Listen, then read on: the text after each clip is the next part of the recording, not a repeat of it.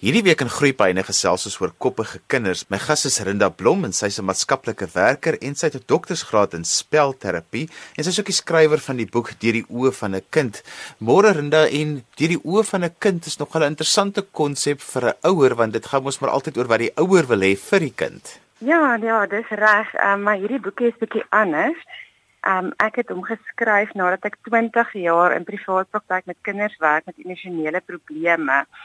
En dit was my verskriklik belangrik om vir ouers 'n slag te wys wat kinders beleef en die pyn wat kinders beleef, um wat ouers um en mense daar buite nie altyd raak sien en verstaan nie.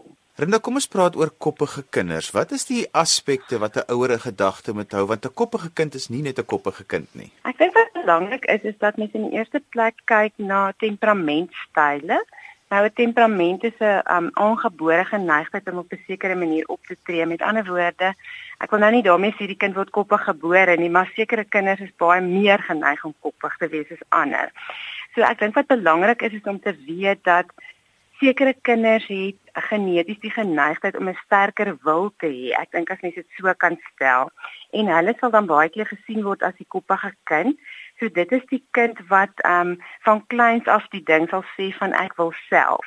Waar 'n kind gewoonlik op 2 jaar dit sal sê, sal hierdie kind dit al op 1 jaar sê. En ehm um, wat dan gewoonlik gebeur is uh, baie maklik gebeur is 'n magstryd tussen ouer en kind, nê, nee, want die ouer sit met die ehm um, verantwoordelikheid ek moet hierdie kind grootmaak en ek moet vir die, hierdie kind grense afbaken en die kind het net hierdie baie sterk sterk wil van ek wil self en natuurlik ek wil dit op my manier doen. Met ander woorde amper 'n geneigtheid van ehm um, as ek 'n nee hoor dan gaan ek dit na 'n ja toe wil verander. Jy het nou gesê temperamentstyle wat ons gaan terugkom nou na dit toe maar wat is die ander aspekte wat ons ook net moet noem? Ehm um, ek dink wat baie belangrik is wat ek in my werk sien in ehm um, my privaat praktyk met kinders met emosionele probleme is wanneer kinders deur enige aspek in hulle lewe voel dat hulle beheer verloor het. Kom ons sê daar het iets gebeur, ehm um, daar's 'n boelie by die skool, die ouers is deur 'n egskeiding, die kind is deur 'n verhuising en die kind voel hulle het beheer verloor, dan toon hulle baie keer koppige gedrag of moeilike gedrag soos ons dit ook stel as 'n manier om beheer terug terug te kry.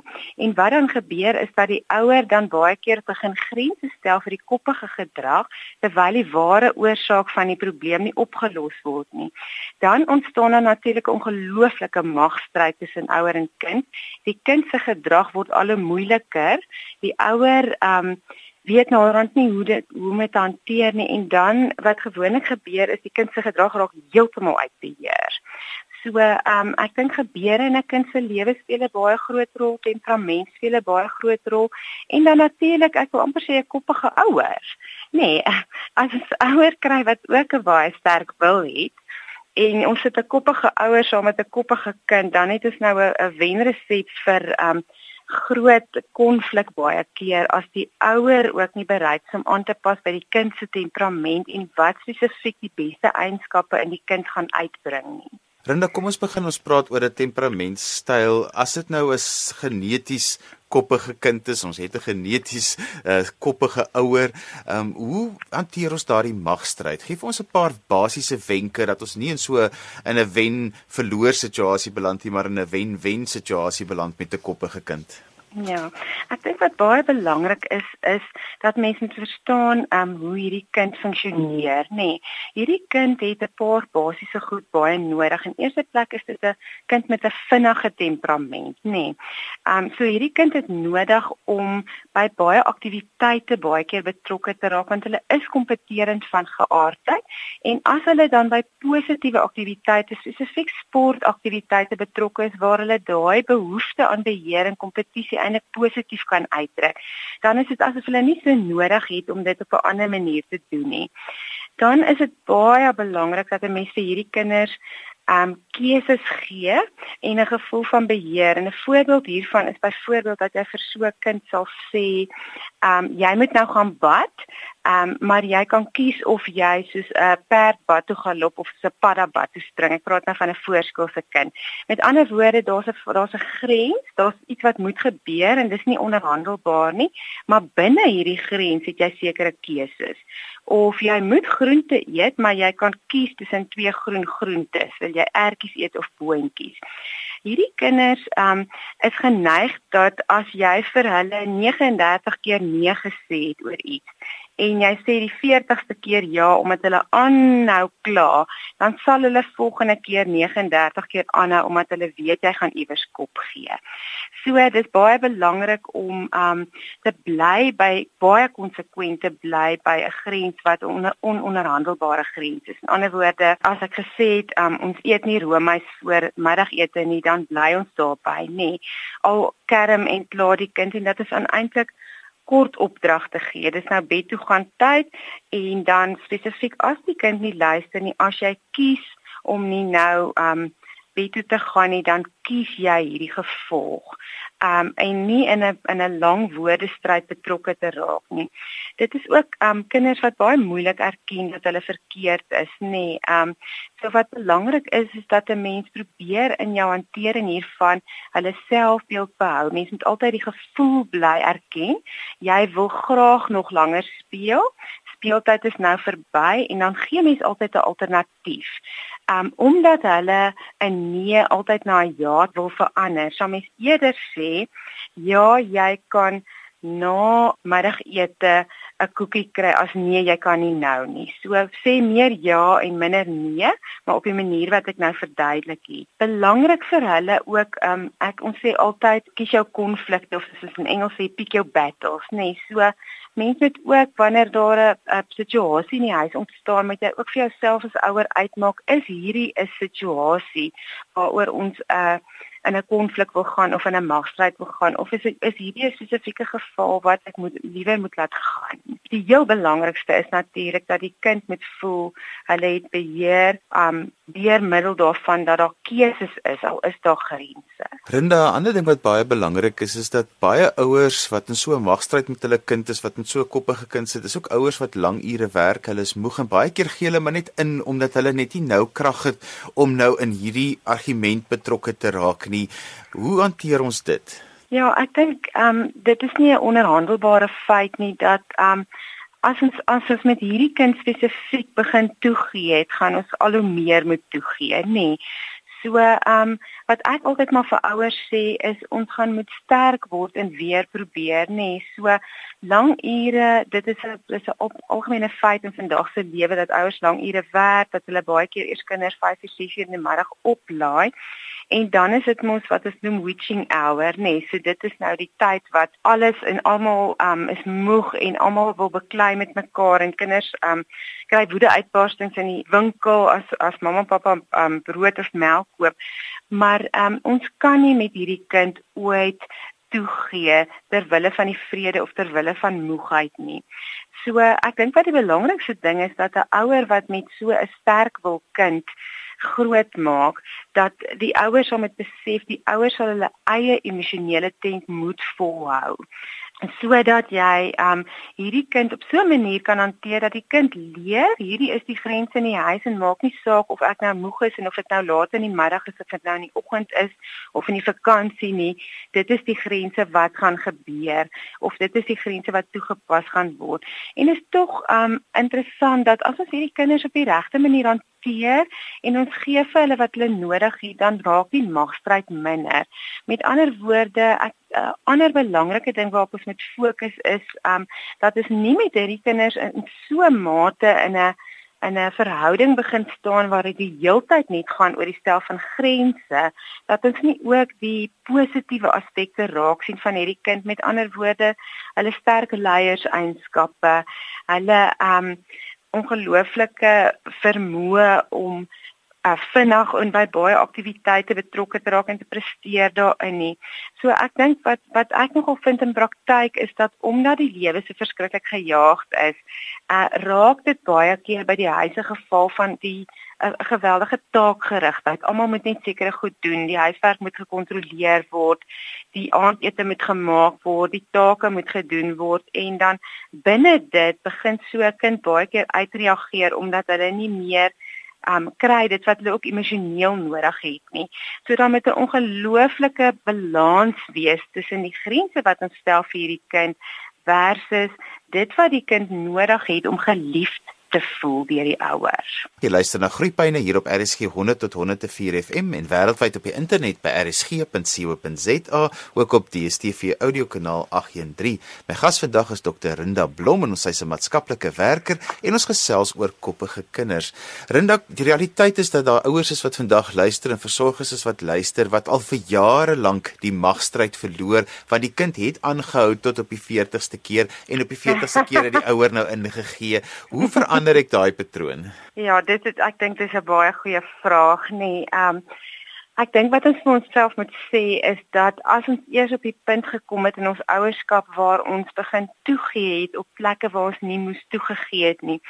En dan wil ons daarmee versagtend vir die ouers sê, nee, daar is daar's regtig baie keer omstandighede wat dit vir 'n ouer onmoontlik maak. Ek dink spesifiek aan 'n enkel ouer om om vol te hou waar dit net waar dinge net uit beheer getol het. Ek dink wat ons dan vir mekaar moet sê is dat dit gaan baie harde werk vat om hierdie ding te verander en om dit terug te bring na 'n plek toe waar die grense in beheer is soos wat dit moet wees. En in daai harde werk wat dit gaan vat, gaan die situasie baie keer eers vererger voordat dit verbeter.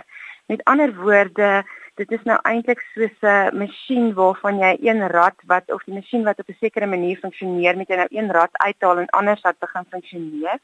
En wat mens dan kry is dat almal is in opstand, nê, nee, want ewe skielik werk dinge nie meer soos dit gewerk het nie. Wat ek nogal vind wat baie lekker werk is dat daar 'n gesinsvergadering gehou word waarin um 'n man of en 'n pa vooraf oor besluit oor sekere gesinsreëls wat van nou af van toepassing sal wees en dat die kinders dan ingeroep word en daar vir die kinders gesê word dat ehm um, dit het in die verlede so of so gewerk, maar ehm um, die ouers het weer oor hierdie saak gedink en ehm um, hierdie is reëls wat belangrik is in die gesin.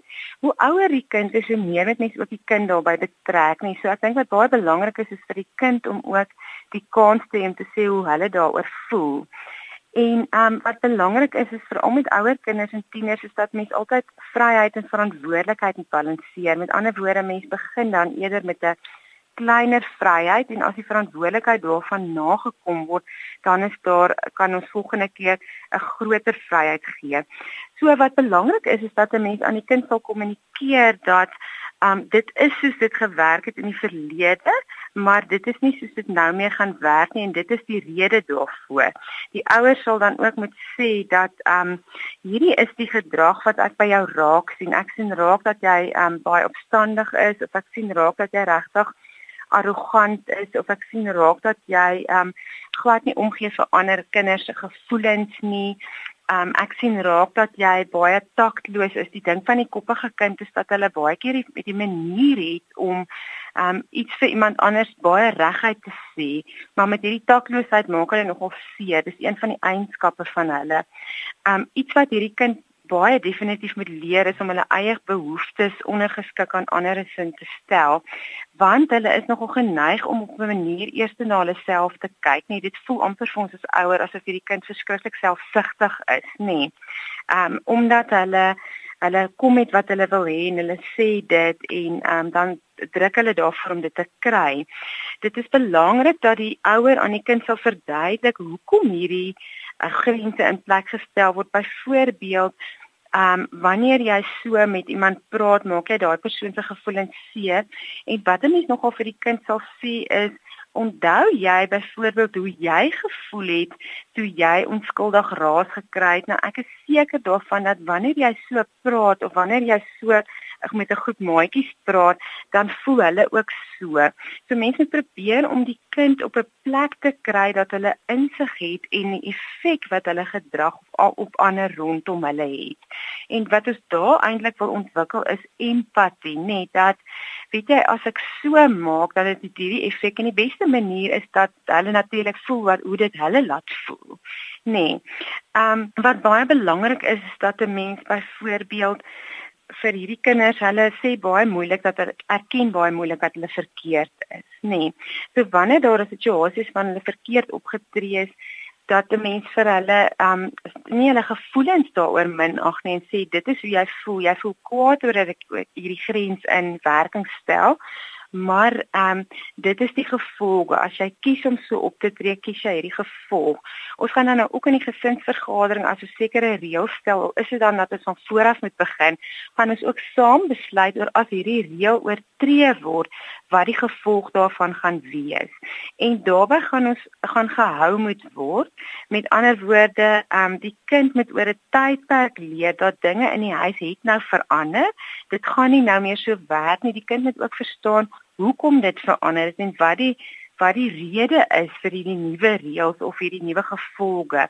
En die ouer moet dit dan um definitief toepas elke keer konsekwent. Mens kry natuurlik die situasie waar so 'n kind um absoluut net nie bereid is om daarbey in te val nie en en al hoe erger uitreageer en natuurlik jou jou slegte situasies waar kinders regtig by verkeerde dinge um betrokke raak as gevolg van hierdie omstandigheid.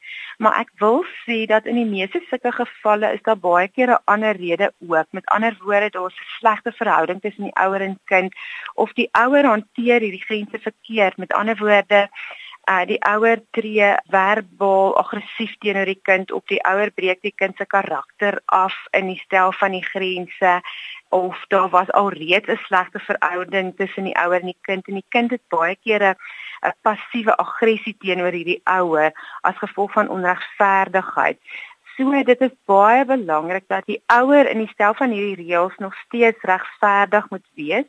Die ouer moet ook vir die kind verduidelik dat ek het X aantal jare om jou groot te maak en wanneer jy in die grootmens lewe is, gaan jy vir al hierdie goed self verantwoordelikheid moet neem. En daarom is dit belangrik dat hierdie reëls nou hier is.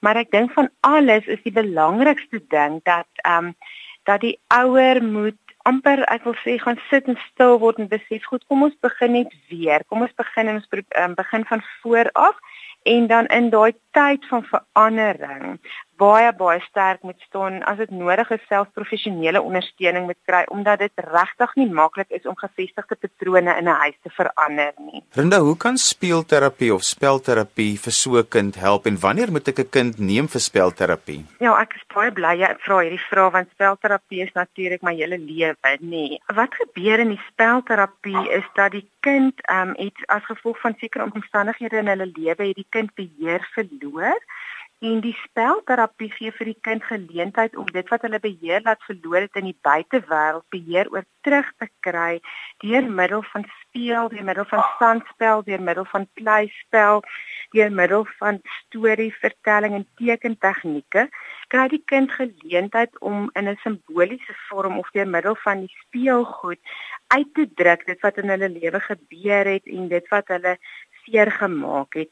En wanneer ons dit dan doen, doen ons gewoonlik 'n volledige assessering waarin ons ook die kind se hart en die kind se pyn en dit wat nie reg is in die gesin nie of dit wat in die stelsel veroorsaak dat daar 'n probleem is, um raak te sien. Dan deur middel van die spelterapie kry die kind eintlik die geleentheid om hierdie um situasie waaroor beheer verloor is om daaroor beheer terug te kry deur dit uit te speel en in hierdie uitspeel dit amper reg te pak in die kind se siege. Wat ons ook kan doen is dat ons um minstens vir een keer 'n maand die ouer inkry vir 'n terugvoer sessie waar ons met die ouer bespreek dit is wat in die kind se hart aangaan dit is wat um, nodig is om in die gesin te gebeur. Baie keer kry ons die ouer ook in die speelkamer soos dat die ouer en die kind saam speel. Ek dink veral aan voorskoolse kinders ek het my praktyk geweldig te doen met klein kindertjies van 2 en 3 jaar oud wat byvoorbeeld totaal en al beheer verloor as 'n nuwe baba in die gesin gebore word, nê, wat wat hierdie baba omtrent wil doodmaak, nê. Dit kry ek baie. En wat mens dan kry in die speelkamer is dat jy kan raak sien in die kind se spel wat moet gebeur om um hierdie situasie te verbeter. Dan kry jy die ouer betrokke baie keer om saam met die kind spelterapie te doen waarin jy die ouer die vaardighede leer om die um kind beter te hanteer en jy kan ook aan die ouer terugvoer gee oor wat met by die huis gebeur om hierdie situasie te hanteer. Ons algemene gevoel met spelterapie is dat daar um eintlik wonderwerke plaasvind. Um kinders um, maak regtig hulle harte oop. Kinders het die vermoë om deur middel van van die speelgoed wat wat ons vir hulle voorsien, dis eintlik soos hulle taal vir ons uit te druk waar die probleem lê. Um jy sal byvoorbeeld ook in spelterapie sien wat die kind nodig het. Ek wil tog 'n voorbeeld noem van 'n seentjie wat eendag kom speel het wat 'n geweldige koppige kind was wat nou ons tema is van vandag en um, hy het nog my trappe opgeklim van my kantoor toe sê hy al vir my ek gaan op jou dak klim. Toe sê ek vir my die dak is nie vir klim nie. Toe het hy in die speelkamer ingegaan toe sê hy wel dan gaan ek met jou kruite op die mure krap. Toe sê ek maar die mure is nie vir krap nie en toe sê hy wel dan gaan ek jou skulpad se kop so ver uittrek dat ek hom breek. Dis nou speelgoed skulpad. En ehm um, wat die kind dan eintlik vir ons sê in spelterapie is vier goedjies. Hierdie kind spesifiek het vir ons gesê wat het ek nodig, nê? Nee, ek het grense nodig en dit was baie duidelik daar was geen grense by die huis nie. Die oomblik toe die ma en die pa begin gesonde grense stel het by die huis, het hierdie probleme in my speelkamer het, het dit nie verder voorgekom nie. So die spelterapie sê die kind vir ons wat het in my lewe gebeur? Hoe voel ek oor wat in my lewe gebeur het? Hoe voel ek oor myself en wat het ek nodig? Dis en alwaar vir ons tyd het vandag Rinda, kan jy dalk vir ons sê hoe kan luisteraars met jou kontak maak as hulle sou wou? Ja, ek wil graag vir hulle verwys na my webwerf toe, ehm um, waarin die, my boek ook beskikbaar is wat ek geskryf het. Um in hierdie boek deur die oë van 'n kind waar ek al hierdie aspekte waaroor vandag praat en nog baie meer aanspreek en my webwerf adres is www www.playtherapytraining alles een woord.net. My gas vandag was Dr. Rinda Blom en sy's 'n maatskaplike werker en ook het ook 'n doktorsgraad in speelterapie. En ons het gesels oor koppige kinders. Skryf gerus my e-pos by groeipyne@rsg.co.za. daarmee groet ek dan vir vandag tot volgende week van my Johan van Dil. Totsiens.